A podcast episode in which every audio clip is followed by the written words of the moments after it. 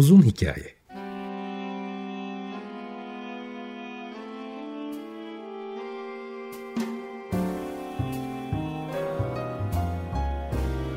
Sinir bilim, psikoloji, felsefe ve müzik.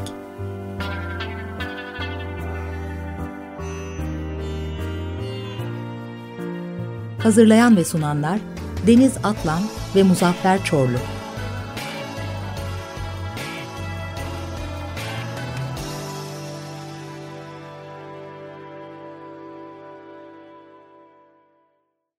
95.0 Açık Radyo'dan Açık Radyo.com.tr ve onun uzun hikayesinden tekrar e, merhabalar herkese. Bugünkü programda psikiyatri doçenti e, Berker Duman var karşımda. Berker Hocam hoş geldin öncelikle. E, merhaba, hoş bulduk. Şimdi ben e, Berker'i e, bir iki sosyal medya mecrasında ama daha çok X'te Twitter mıdır, X midir nedir işte orada e, bazı şeyleri yayınları paylaşırken gördüm. İlgimi çok çekmişti epeyden beri. Çünkü e, benim ilk ilgimi çeken hatta şey olmuştu. Bu erteleme ile ilgili e, ADD işte e, dikkat eksikliğiyle e, ilişki kuran çalışmaları vesaireyi paylaşınca dedim ki hem zaten ne zamandan beri erteleme durumunu, erteleme isteğini Hastalığı demek istemiyorum, durumu diyeyim.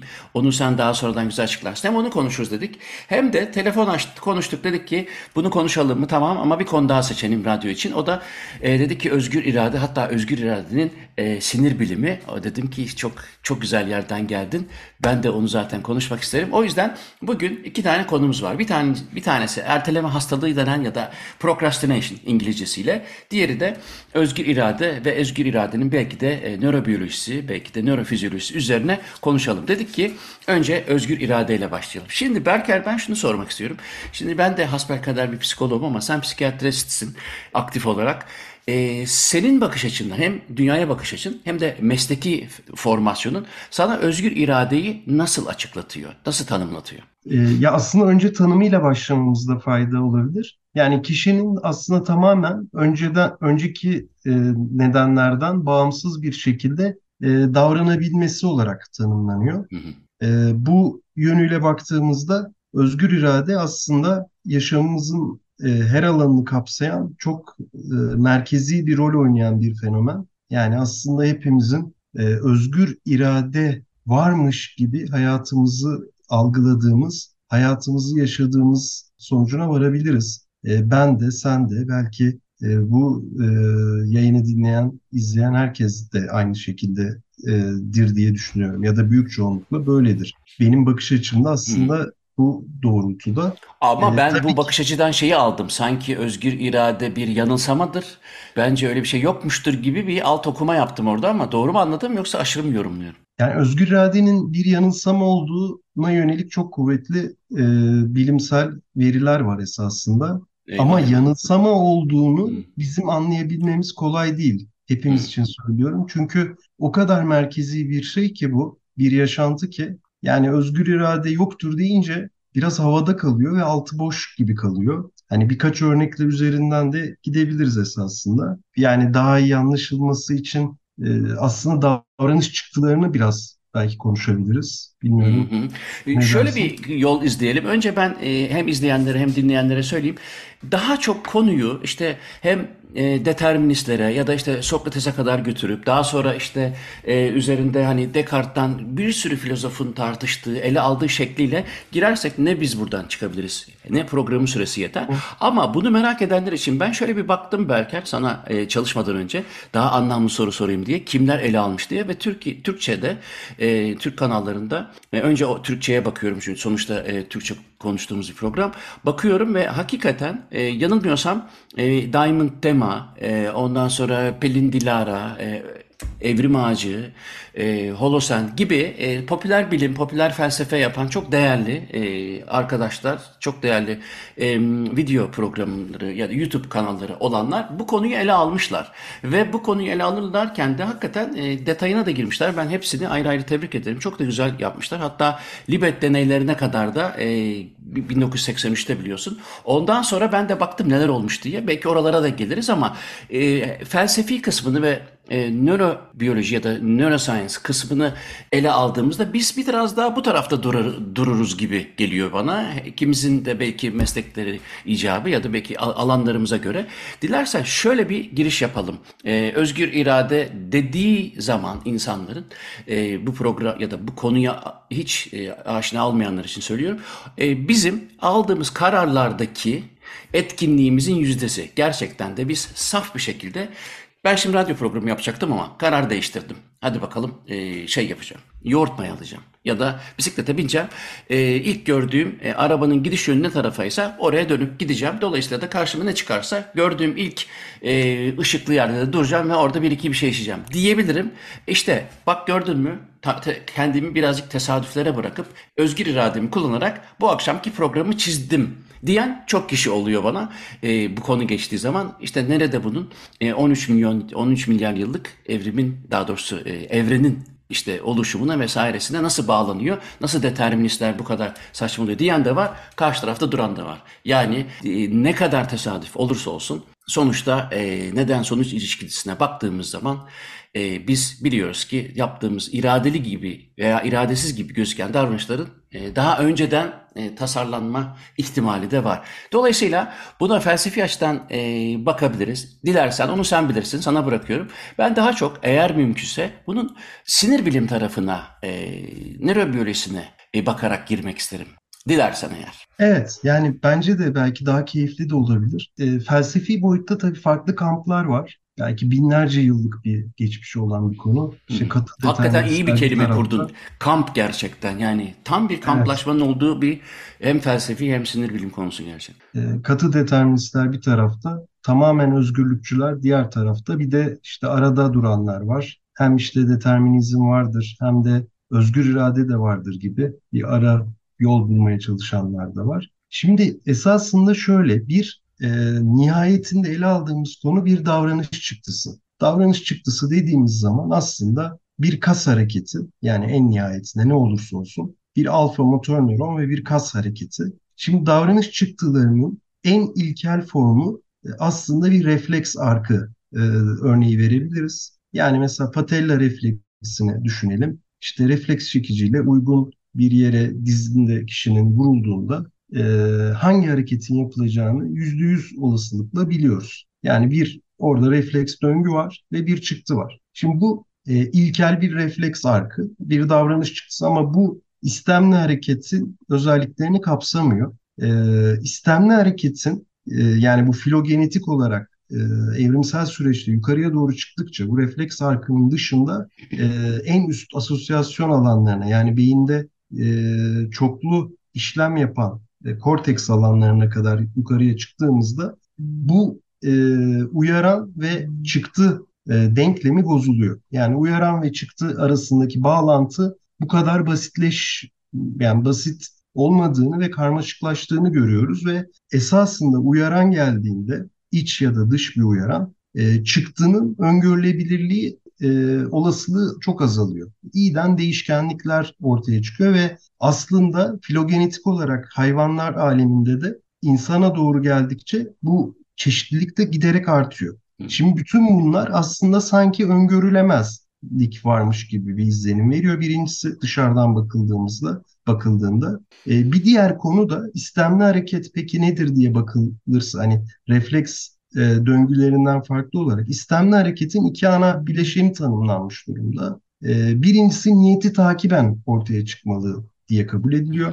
Yani benim bir niyetim olmalı e, bir hareketin öncesinde ve öznelik hissiyle bu tamamlanmalı. Yani işte e, klasik örnek bir elektrik düğmesine basma e, niyetim olacak. Arkasından düğmeye basacağım ve ışığın yandığını göreceğim gibi e, bir hani istemli hareket özellikleri tanımlanmış. E, bu şekilde hani hareketin karmaşıklaşmasına giden süreç e, genellikle böyle tanımlanabilir. Peki bu çıktığı sağlayan beyinde o daha gelişmiş korteks bölgeleri nasıl besleniyor, nasıl veri alıyor dersek aslında orada da yine bir uyaran bağımlı bir bileşen var. Yani çeşitli işte görsel ya da diğer uyaranların geldiği parietal korteksten beynin ön tarafına e, işte burada sıkça adını belki söyleyebileceğim suplementer motor alan denilen bir böyle kritik bölge var bu işin hmm. sinir biliminde.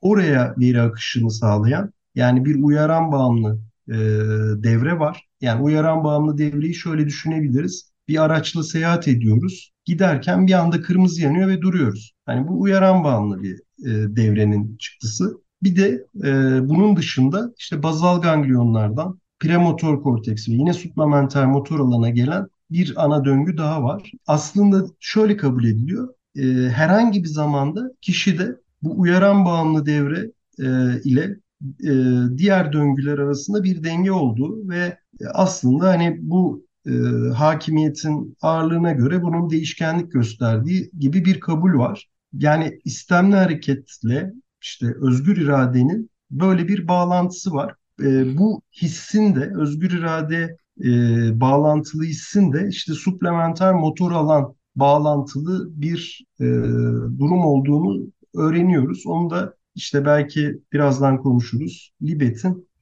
e, kritik diyelim ya da bir dönüm noktası olan e, deneyiyle aslında bütün süreç. O deneyi dilersen ben sana e, açayım. E, çünkü tam programdan önce bu işte sonuçta Libet'in deneyini şimdi açıklarız. Hani ne nasıl bir deney metodu vardı ve ne gösterdi onu sen daha iyi açıklarsın.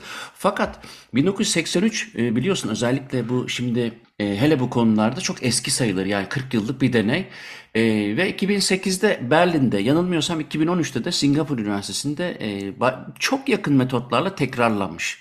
Ve de e, bu yakın metodolojiyle de e, gene aşağı yukarı aynı sonuçları elde etmişler. Deneyi, deneyi kapsamını sana anlatmak ister misin? Çünkü bu hakikaten bu özgür iradeyle ilgili nörobiyolojik evet. açıdan önemli bir deney. Aslında Libet şunu yapıyor. E, bir saat e, karşısında kişi e, oturuyor ve elinde bir buton tutuyor. Saatte de hareket eden bir kol var. E, kişinin şöyle bir yönerge var aslında orada. Libet diyor ki e, herhangi bir tamamen özgür iradenle ne zaman basmak istediğin yani basmaya karar verdiğini hissedersen hemen butona bas diyor anında.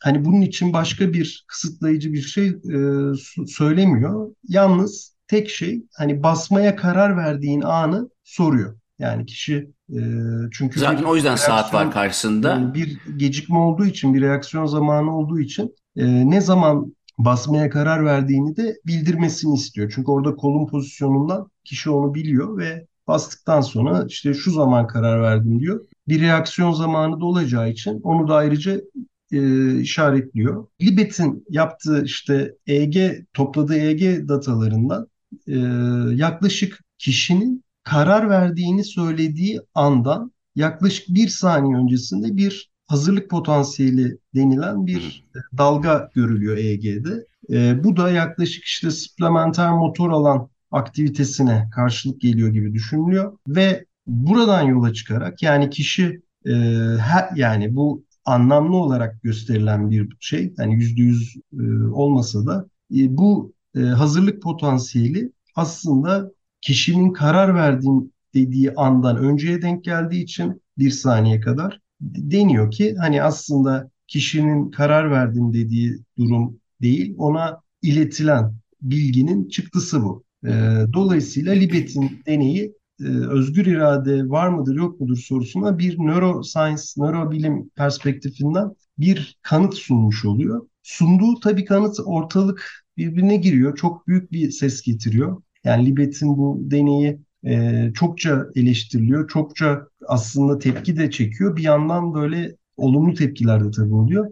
E, eleştirilerden birisi şu. Libet'in deneyi ile ilgili belki onları da söylemek lazım. İşte ne yapıyordu kişi? Bir saatin karşısına oturuyor. İşte tamamen karar verdiğin anda basmanı istiyorum diyor. Verdiği kararın içeriğinin çok anlamlı bir içerik olmadığını, e, basit bir içerik karar olduğunu ve esasında karmaşık kararlara genellenemeyeceğini e, söylüyorlar eleştiri olarak. Yani benim ne bileyim işte finansal kararlarımda kiminle evleneceğimde, ne bileyim ne yemek isteyeceğimde falan. Hani yani günlük hayattaki diğer daha karmaşık kararlarda e, bunun bir karşılığı olmayabilir deniyor. Bir diğer eleştiri de belki ilk akla gelecek olan ya bu bir saniyelik fark bir artefakt ya da bir atıf hatası da olabilir diye eleştiriler geliyor. E, bu yönleriyle de eleştiriliyor. Libet kendisi de aslında biraz şaşırıyor böyle bir net tutarlı bulgu bulmasına. Sonra da Libet'in kendi e, ifadesiyle belki free will yok ama free want olabilir falan diyor.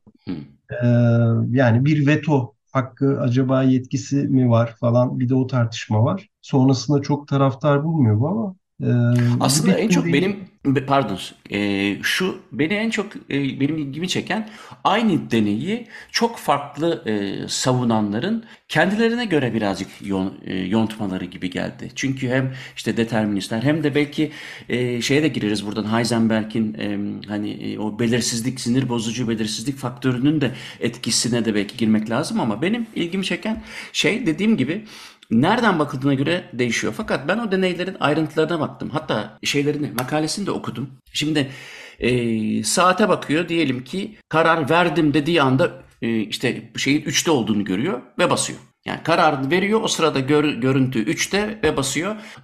Libet'in aldığı sonuç e, karar verdiğini söylediği an yani o sayıyı gördüğü anla basma arasında bir 200 milisaniyelik fark var ki bu da anlaşılabilir. Yani el kol koordinasyonu bile bunu açıklayabilir. Fakat ondan önceki yanılmıyorsam 550 milisaniyeyi açıklamada e, senin de anlattığın üzere orayı biraz daha işte nörofizyolojik hazırlık ya da işte hazırlık e, potansiyeli olarak açıklıyor. Şimdi benim bakış açımdan oradaki 550 saniye e, şimdi o deneyi kendi kendime yapmaya çalıştım ki Hani biraz empati kurayım diye. Kendim tasarladım. Çünkü bir de 2013'te Singapur'da da tekrarlanmış. Bu sefer saat yok fakat yarım saniyede bir yani 500 milisaniyede bir bir harf değişiyor. Ee, önünde harfler var işte A, Z, L, işte evet. Elis. Sen karar verdiğin anda diyorsun ki L'de karar verip basıyorsun. Bu e, şeyde, bu testin sonuçlarında Libet'inkini doğrulamayı bırak ondan çok daha büyük bir e, incelik ayarı veren bir şekilde doğruluyor. Hakikaten de L'yi gördüğüm anda basıyorum. Tamam. L'yi gördüğüm anda basma aramda gene 200 milisaniye var. Tıpkı Libet'inki gibi. Fakat L'yi gördüm, karar verdim artık dediğimden önceki hazırlık bu sefer birkaç saniye. Hani e, Libet şey demiş gibi oluyor. Yani sen bir kenara çekil daha da aslında bu şey. Fakat Evet. buna rağmen ben oradaki o hazırlığı kendim yaparken şunu hissettim. Şimdi benden beklenen bir bir şey var. Ben bir denekim ya da katılımcıyım. Önümde saat olsun ya da işte fark etmez harfler geçiyor olsun. Ne zaman karar vereyim? Çünkü hani sonuçta e, basacağım ve işim bitmiş olacak. Olayın ciddiyeti de yok benim için. Bir şey ölçüyorlar. Ben bilmiyorum ne ölçüldüğünü. Bana Libet de anlatmıyor ayrıntılarını. İşte onun yerine koyduğum zaman her geçen süre bana şu hissi verir. Artık karar versem iyi olacak. Benim o kendi psikolojik hazırlığım veya e, atitüdüm şeye karşı, deneye karşı ben de zaten o fizyolojik hazırlık ya da işte şey potansiyelini doğurur gibi geldi. Ya da bunu eleyebilir miyiz en azından? çok, çok güzel bir noktaya e, işaret ettin. İş- e, yanıt vereyim. E, aslında şöyle, ben kendim de e, doktora tezimde bu Libet'in modern versiyonunu kullandım. Hı, E, Fners denilen bir cihazla biz ölçüm aldık. O yüzden biliyorum bu anlattığın hissin ne olduğunu. Datada, data üzerinde de gördük. Libet'in deneyli e, sonuçları 2008'de ilk olarak Sun ve arkadaşları tarafından 8-9 saniye geriye gidiyor. 7 hat Yani 7 diye fMRI biliyorum. çalışmasında e, işte farklı e, beyin bölgeleri. Önce arka tarafta işte precuneus bölgesi gibi arta, arka ve orta hatta yakın beyin bölgelerinde. Daha sonra en ön beyin bölgelerinde sonra yine aynı bölgeye geliyor veri. E, 8-9 saniyeye kadar çıkıyor. Şimdi bunu aşabilmek için bu bahsettiğin sorunu biz de aynı şeyi yaptık. Onların kendi deney tasklarında da var. Bir patern oluşumuna bakılıyor. Yani kişi e, böyle bir e, random dışı bir patern örüntüsü takip etmiş mi? Yani 2-2-1 falan böyle e, farklı. Yani aslında e, deney dizaynı dışına çıkmış mı diye. İkincisi de lateralizasyon indeksi denilen bir parametre ekliyorlar. Lateralizasyon indeksi de e, biraz bunu güçlendiriyor ama e, temelde yani bir patern oluşumuna karşı da böyle bazı e, önlemler alınıyor ama yine de ne yapılırsa yapılsın Mesela bizim kendi topladığımız datada da yani e, kişi ilginç bir şekilde basit bir deney ya taska uymadığını gördüğümüz kişiler oldu ya da bir şekilde bilmiyorum yani hani farklı e, bahsettiğin gibi e, içerikten bağımsız e, yanıtlar oldu. E, dolayısıyla e, basit bir deney dizaynı ama uygulaması kolay değil gerçekten. Yani kişi onu e, nasıl yapacak, neyi olduğu, neyi de bastı, neyi söyleyecek gerçekten yani böyle birkaç denemeyle falan ancak adapte olabiliyorlar. Bir kısmı yine de adapte olamadığını gördük. Sorunlardan biri de açıkçası bu verinin sonrasında elde edildiği zaman kişilerin ya bu e, nasıldı e, durum denildiğinde kişilerin bir kısmı e, mesela ben hani hakikaten deneyimlerini sordum. Ya sıkıldım dedi. İşte kimisi e, hayallere dalmışım dedi. Yani böyle tam deney taskına uygun olmadığını düşündüğümüz şeyler de var. E, ama bu doğal çünkü klasik sinir bilim deney paradigmalarına aykırı bir defa. Çünkü sinir bilim deney paradigmalarında böyle bir uyaran veriyorsun. Sonra onu ölçümünü yapıyorsun falan. Bu adı üstünde free will. Yani sen free will'de taskı daraltamıyorsun. Yani kişiyi e, yani yönlendirmek yasak. Bir şeye e, kanalize etmek yasak. Acele bas falan diyemiyorsun. Yani böyle bir e, ölçümün esnekliği var ve zorluğu var. Bu tabii arka planda çok yüksek bir gürültüye neden oluyor. Çünkü mesela bütün bunların hepsi dataya bir negatif değer olarak yansıyor. Eğer o istediğimiz gibi e, uyum göstermediyse tam olarak da ölçmek de yüzde yüz mümkün değil. Bir öznel yaşantı sonuçta. E, bunlar e, her ne kadar aşılmaya çalışılsa da esasında önemli eleştiriler. Haklısın hmm. Şimdi bir de tabii e, hani bu deneye de indirgemeden e, bu deneyi de biraz aşarak şeyi de aç, açmak isterim. Mesela özellikle e, özgür iradenin neredeyse olmadığını söylemeye getirenlerin işte e, de birkaç şeye ayrıldığını görüyorum. Kimisi daha evrimsel biyolojik açıdan da ele alıyor. Kimisi işte e, hatta işte e, atom altı e, işte kuantum fiziğine ve felsefesine kadar gidenler de var. Fakat bu konularla ilgilenmeyen e, insanlar için hani ben bir şöyle kabaca bir sordum. E, özgür iradenin var olduğuna inananların e, sayısı daha fazla. Şimdi bunu hani e, popüler olduğu için e, istatistik olarak bu daha çok diye bunun doğru olduğu ya da bunun daha ilgi çekici olduğunu asla söylemeye çalışmıyorum. Fakat e, insanlar arasında e, ben de dahilim buna seçeneklerden birini en azından seçeneklerden birini seçme konusunda yani zinciri kırma konusunda neuroscience'ın, sinir bilimin ister e, fMRI çalışmaları olsun, ister EEG, EMC ne yaparlarsa yapasın henüz bunu rule out edeceği yani e, olasılık dışına çıkaracağı yani tamamen reddedeceği, veto edeceği durumda olmadığını görüyorum. Yanılıyor muyum? Çünkü bu hem, hem Libet'in hem birkaç tane daha deney var. Bir e, şimdi Chung Wang galiba ona da bakmıştım. Bu deneylerden yola çıkarak biz e, öz, özgür iradenin aslında bizim irademiz dışında işte hangi parametrelerle oluyorsa bilmiyoruz ama irademiz dışında e, biz karar vermeden az öncesinde zihnimizde tasarlandığını yani alacağımız aksiyonun zihnimizde bir şekilde tasarlandığını söyleyebilecek kudrette olduğuna inanmıyorum ben bu en azından bu deneylerle.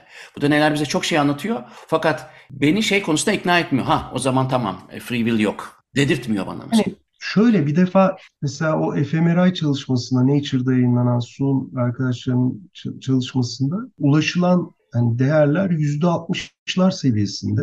İşte bizim kendi Efnirs araştırmamızda da %56-57'ler seviyesinde bir başarı var. Onu belki vurgulamak lazım. Bir üst versiyon Libet deneyinin e, sadece zaman değil, bu sefer içerik e, karar kararın içeriğinin de olduğu deney düzeni. Yani kişiye aslında şu yapılıyor. O üst versiyonunda bizim de yaptığımız iki buton var her iki elinin altında. E, vereceği karar sola ya da sağa basmak kararı. Kişiden diyoruz ki işte tamamen özgür iradenle istediğin bir anda yeterince e, hani zaman ne, ne, neyse istediğin kadar zamanın var. İstediğin bir anda e, sağa ya da sola basmaya karar ver diyoruz. E, %60'lar seviyesindeki başarı kararın içeriğini kişinin farkındalık alanına henüz ulaşmadan yordama becerisi. Yani kişinin benim FNIRS ya da fMRI ya da neyse ölçüm yaptığım yöntemle elde ettiğim veriyle Kişi ben sağa karar verir, verdi diyorum sağa basıyor. Sola karar verdi diyorum sola basıyor. Ama henüz aslında kişi kendisinin karar verdiğini bilmiyor. Hı hı. Ama bu yüzde yüz başarıyla ulaşılan bir sonuç değil. Yani o da önemli. Bak ama orada şöyle bir şey yok mu? Reklam reklamlarda da ben nöromarketingle ilgili biraz çalışırken görmüştüm. İşte e, ekranda sağda ve solda işte bir takım reklamlar çıkıyor ve o reklamların içeriğine göre gene deneklerden e, butona basması bekleniyor falan. Onda da çok yüksek başarı ihtimali var. Ama orada iradesiz dediğimiz yani free will öncesine gittiğimiz hikayede e, bir görsel algılama söz konusu. Orada ne olup bittiğini görüyor. Reklamda ya da sizin deneyde fark etmez. Oradaki o enformasyonu işlemesinin farkında olması gerekiyor mu insanın? Farkında olmadan ya da belki birkaç saniye sonra farkına varacağız. Zaten öyle değil midir? Bazen hani yanımızdan biri geçer. O sırada düşünceliysek e, algıda birazcık kararma varsa başka bir e, baskılama yapıyorsa düşündüğümüz bir şey. Yanımızdan geçtikten belki iki saniye sonra Aa, bu Mehmet abi değil miydi ya diye döneriz ya. Aslında Mehmet abi gitmiştir. iki saniye olmuştur o gideli.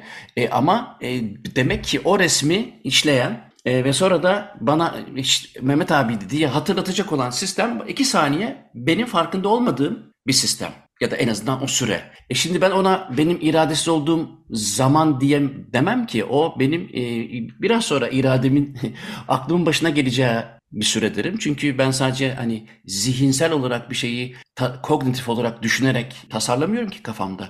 O imaj geldi benim zihnime geldi. Birazdan kristalize olup belki bana hatırlatacak. Olabilir mi yoksa e, bilmiyorum. Yani tabii bu eleştirilebilecek noktalardan biri ama zaten işte yönlendirme e, araştırmaları free will'e kanıt teşkil etmiyor esasında bu dediğin nedenlerle. Yani işte kişi mesela çok meşhur bir videosu var bunu belki izlemişsindir. İşte kişiyi bir reklam ajansı gibi bir yere götürüyorlar. Yol üzerinde e, farkında olmadığı ya da çok aşikar olmayan bazı noktalara belli işaretler konuyor. Sonra o gittiklerinde kişi işte mesela bir şey tasarlamasını istediğinde e, o belirleyicilerden doğru e, hareketle bazı şeyleri tasarlıyor. Aynen bunu demeye gibi. çalışıyorum. Hı hı. Yani bu tabii dolaylı bazı veriler ama tam kanıt teşkil etmiyor esasında. Hı. Bu Libet tipi deneylerde biraz daha güçlü kanıtlar var. Ama onun da işte biraz önce konuştuğumuz çokça e, kısıtlılıkları var. Yani karmaşık kararlar olmayışı. İşte sonuçta bir öznel yaşantı çalışılıyor ve esasında tam emin değiliz yani kişi ne yapıyor? Yani zihninde tam olarak ne oluyor bitiyor? E, bunu azaltmak için yani e, doğruluğu arttırmak için denek sayısını arttırmak bir çözüm oluyor. Yani evet mesela bir denekte ya da bir deneyin bazı kararlarında sorun olabilir ama işte ben 100 denek alırsam ve bu 100 denekte yüzer karar alırsam eh, en nihayetinde averaj olarak e, doğru bir iş yapmış olurum gibi oluyor. Bu, bu şekilde açılmaya çalışılıyor. Mesela e, yine güçlü bazı veriler ameliyatlardan gelen, gelen veriler var. Beyin ameliyatlarından. Beyin cerrahi ameliyatlarında biliyorsun hani bazen kişi uyanık olabiliyor. Ee, onlar üzerinde yapılan manipülasyon deneyleri var. Yine TMS ile manyetik alan yaratarak belli bir karara kişinin farkında olmadan zorlandığı, mesela beynin bir bölgesine yalancı uyaran, diğer bölgesine gerçek uyaran verilip işte kişiye bir karara zorluyorsunuz, force ediyorsunuz yani. Kişi ağırlıklı olarak da o force'ye boyun eğiyor ama ben verdim kararı diyor. Yani hani bir şeyin farkında değil mesela. Bunun gibi birçok farklı kanıt da var esasında. O açık beyin ameliyatlarından bir tanesinde mesela işte e, cerrah beynin bazı yerlere do- dokunarak işte kolunu hareket ettiriyor ya da elini hareket ettiriyor ve de hastaya diyor ki işte bilerek mi yaptın, sen mi yaptın soruyor. Sonra da engel olmasını istiyor. Hem oraya dokunarak önce işte o kendi öbür eliyle harekete engel olmaya çalışıyor. Sonra da bu elini kullanmadan dahi engel olabiliyor. Bunu nasıl açıklayacağız o zaman? Ya da bunu da bunu nasıl açıklamalıyız? Hani o zaman kelimesini siliyorum hani koşut olarak söylemiş değilim. Bunu nasıl açıklamalıyız? Yani evet kolay değil. Yani birçok karmaşık nokta var esasında. Hani bu e, deneyin tabii ayrıntısını bilmiyorum ama yani birçok farklı şey var ama şunu söyleyebilirim. Yani genel olarak birçok hani yayında e, libet lehine sonuç var. Yani hatta hemen hemen evet. konuda onu söyleyebiliriz. Ama yorumlama tabii e, yüzde yüz bir e, sonuç vermediği noktasında da herkes en fikir ama ağırlık biraz Libet'in haklı olduğu yönünde. Yani son ben zaten sen şeylerde. Evet evet ben zaten sen de e, konuşmadan önce de e, bana da makul geliyor. tekrarlanmış mı? Ne kadar tekrarlanmış? Sen sizin ekip bile yapmış. E, onu bilmiyordum ama epey bir birkaç yıl geçtikçe e, tekrar tekrar aynı sonuçlar da alınmış. Fakat ben oradaki o yorumdan emin olamadım. O yüzden onu sormak istedim sana. Yani o e, potansiyelin başladığı ana A diyelim, karar verdiği ana B diyelim, elinin hareket ettiği ana da C diyelim. İşte o BC arasındaki 200 milisaniye ile AB arasındaki 550 diye okudum ben yanlış değilse milisaniyeyi e, işte o 550 milisaniyede bütün gümrütü kopuyor. Herkes orayı karar vermeden önce beyindeki sinyallerin diyelim e, dalgaların harekete başladığı. Dolayısıyla aslında e, senin karar verdiğini düşündüğünde andan önce beynin aslında karar verdiği iması yapılıyor. Benim de itirazım o noktaya çünkü ondan emin olamıyorum. En son Pinker'la Sapolsky'nin tartışmasını takip ettin mi? Bilmiyorum. Ee, bu Sapolsky geçtiğimiz haftalarda özgür irade ile ilgili bir kitap yayınladı. Belki hı, hı. E, hayır hayır bilmiyorum.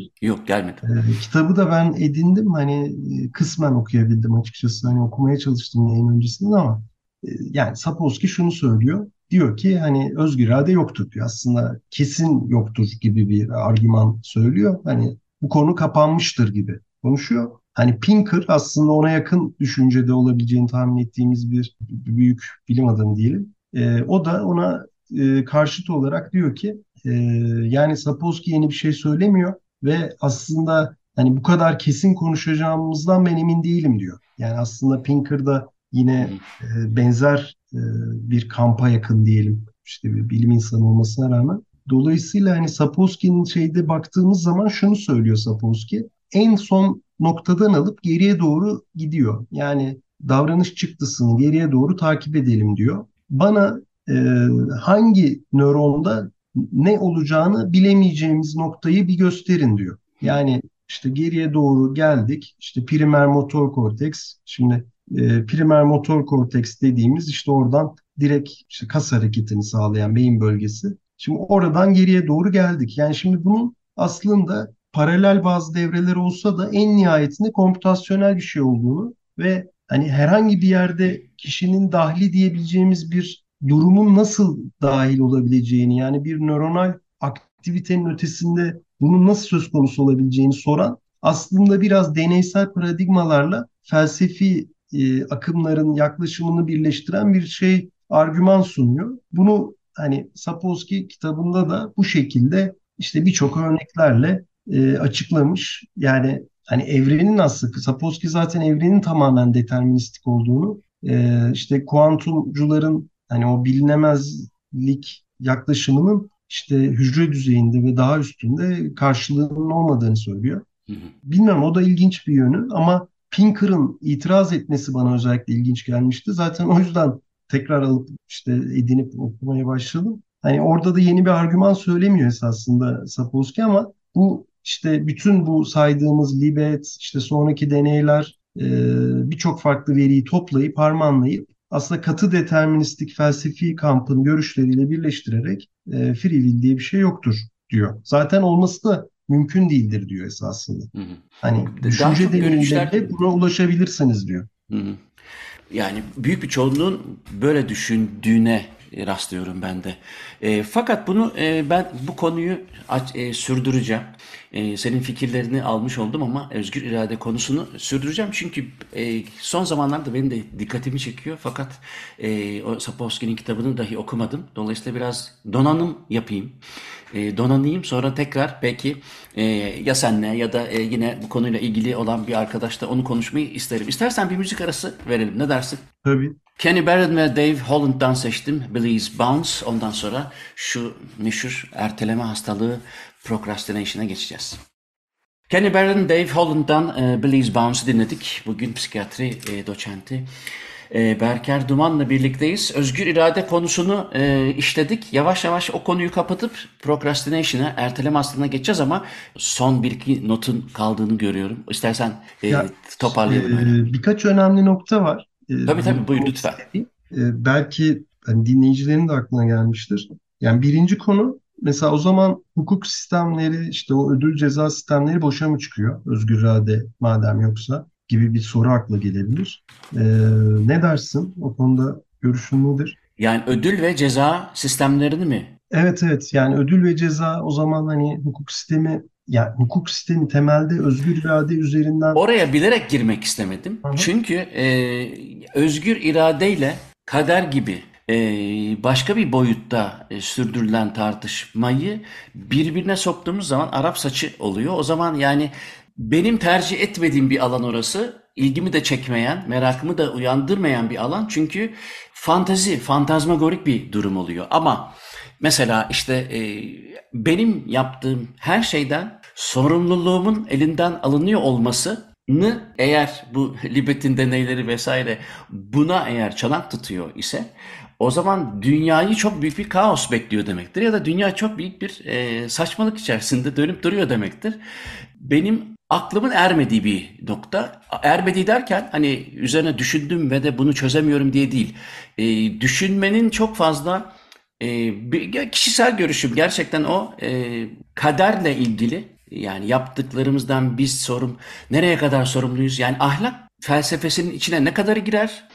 E, kader ve dolayısıyla daha mistik düşüncelerin ve de e, Tanrı'ya e, ya da Allah'a işte kim nasıl isimlendiriyorsa o döngünün içine nasıl girer konuları e, bence bu skopu çok aşıp e, sulandırabilir. Ama bu benim e, bu konudaki bilgisizliğimden de kaynaklı olabilir.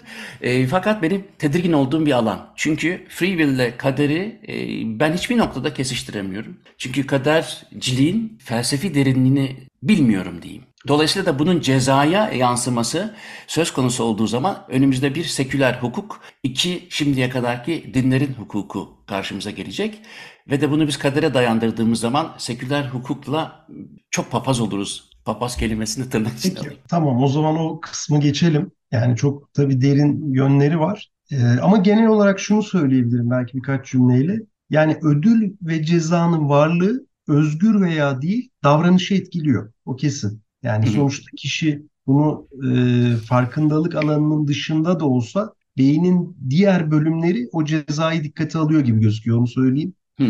Yani o e, eğer bir kararın sonucunda ceza ya da ödül varsa tamam özgür olmayabilir belki. E, hani bizim bilinçli farkındalığımızdan daha önce alınan bir karar ama dikkate alıyor o kesin. E, onu söyleyebilirim. Çalışıyor yani şey ödül Çalışmak cezası. zorunda zaten. Hani her Evet. kültürde herhangi bir davranış seçelim. Mesela işte burnunu yüksek sesle silmek olsun. Üstelik de sofrada olsun. Burada üstelik lafını kullandığıma göre bana ters geliyor demektir. Çünkü e, Türkiye'de değil mi genelde bu biraz ayıp.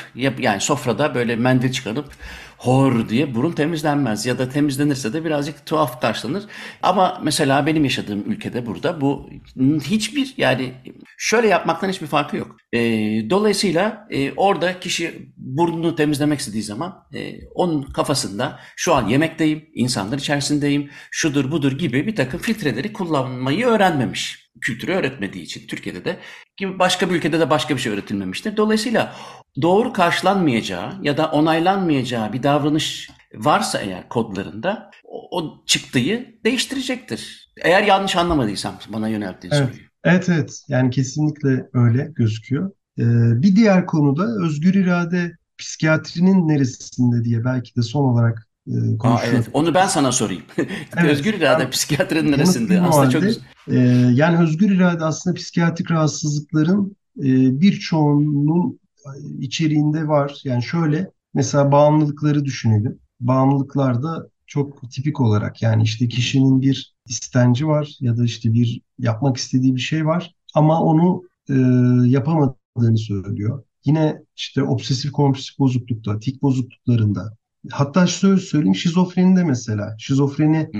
esasında özgür iradenin tam merkezi olduğu bir rahatsızlık olabilir paradoks bir şekilde. Hatta işte e, başta da konuştuğumuz gibi hani özgür irade eğer bir illüzyonsa e, şizofreni tanılı bazı hastalarda bu illüzyonun olmadığı aslında doğal yaşadığı ve hani kişi sanrıları oluyor bazen işte kontrol edilme, pasivite gibi E, onun aslında tam olarak bu illüzyonun varlığının olmayışıyla açıklayan yorumlar da var. Yani biz sağlıklı kişilerde doğal olarak olan bu özgür irade illüzyonu e, şizofreni hastalarında kayboluyor. Dolayısıyla kişi e, bu bana yapı- yaptırılıyor. Mesela kontrol ediliyorum diyor dışarıdan. E, başkaları tarafından kontrol ediliyorum. diyor. Böyle bir sanrı örneğin tetiklenebiliyor. Ee, mesela o rahatsızlıkta da yine böyle bir özgür iradenin e, yaşantılanmasıyla ilgili bir e, ne diyelim aslında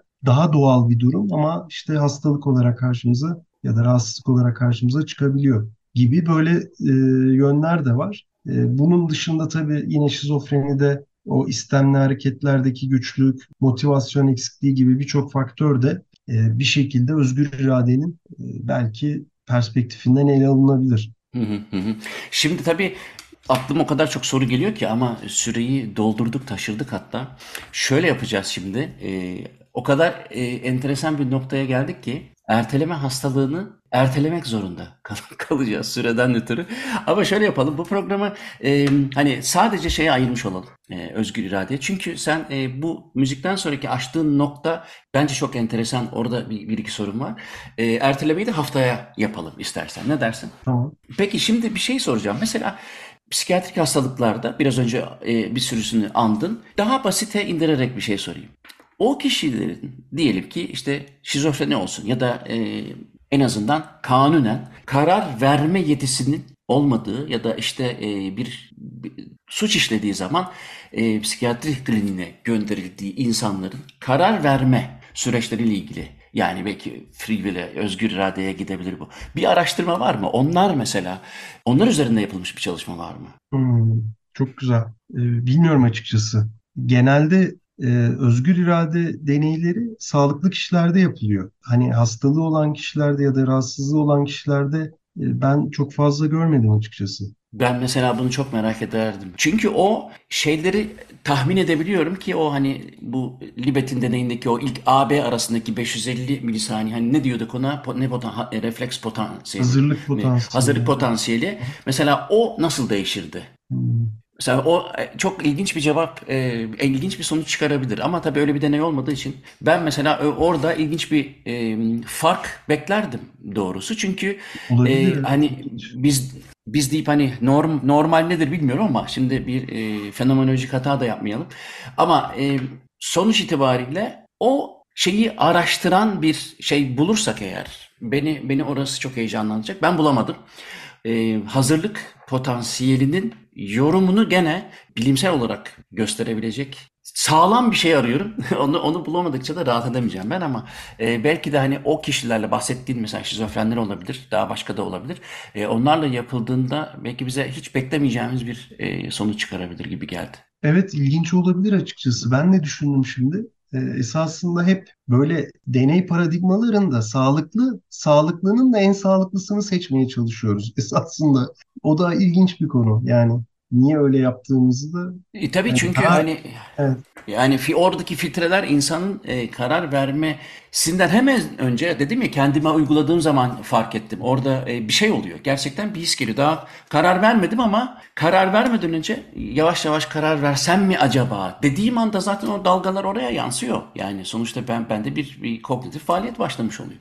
Hani dolayısıyla belki şizofrenlerde durum farklıdır. Bir araştırayım belki de vardır. Belki de görmemişizdir ama yo, olabilir ama hani ben e, en azından böyle büyük ölçekli bir araştırma hatırlamıyorum.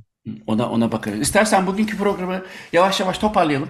Bugün e, psikiyatri doçenti Berker Duman'la birlikte e, karar verme, free will, e, özgür irade konularında biraz fikir uçuşturduk. O psikiyatri tarafından da baktı biraz. E, böylece bugünkü programı tamamlamış olduk. Önümüzdeki hafta gene aynı konukla erteleme hastalığını konuşacağız. Bekleriz. Bana ulaşmak için Muzaffer Gmail adresine ya da Deniz Atlam Gmail adresine yazabilirsiniz. Açık Radyo bu programı Spotify'a ben de görüntülü olarak YouTube'a koyacağım. Haftaya görüşürüz. Hepinize günaydın.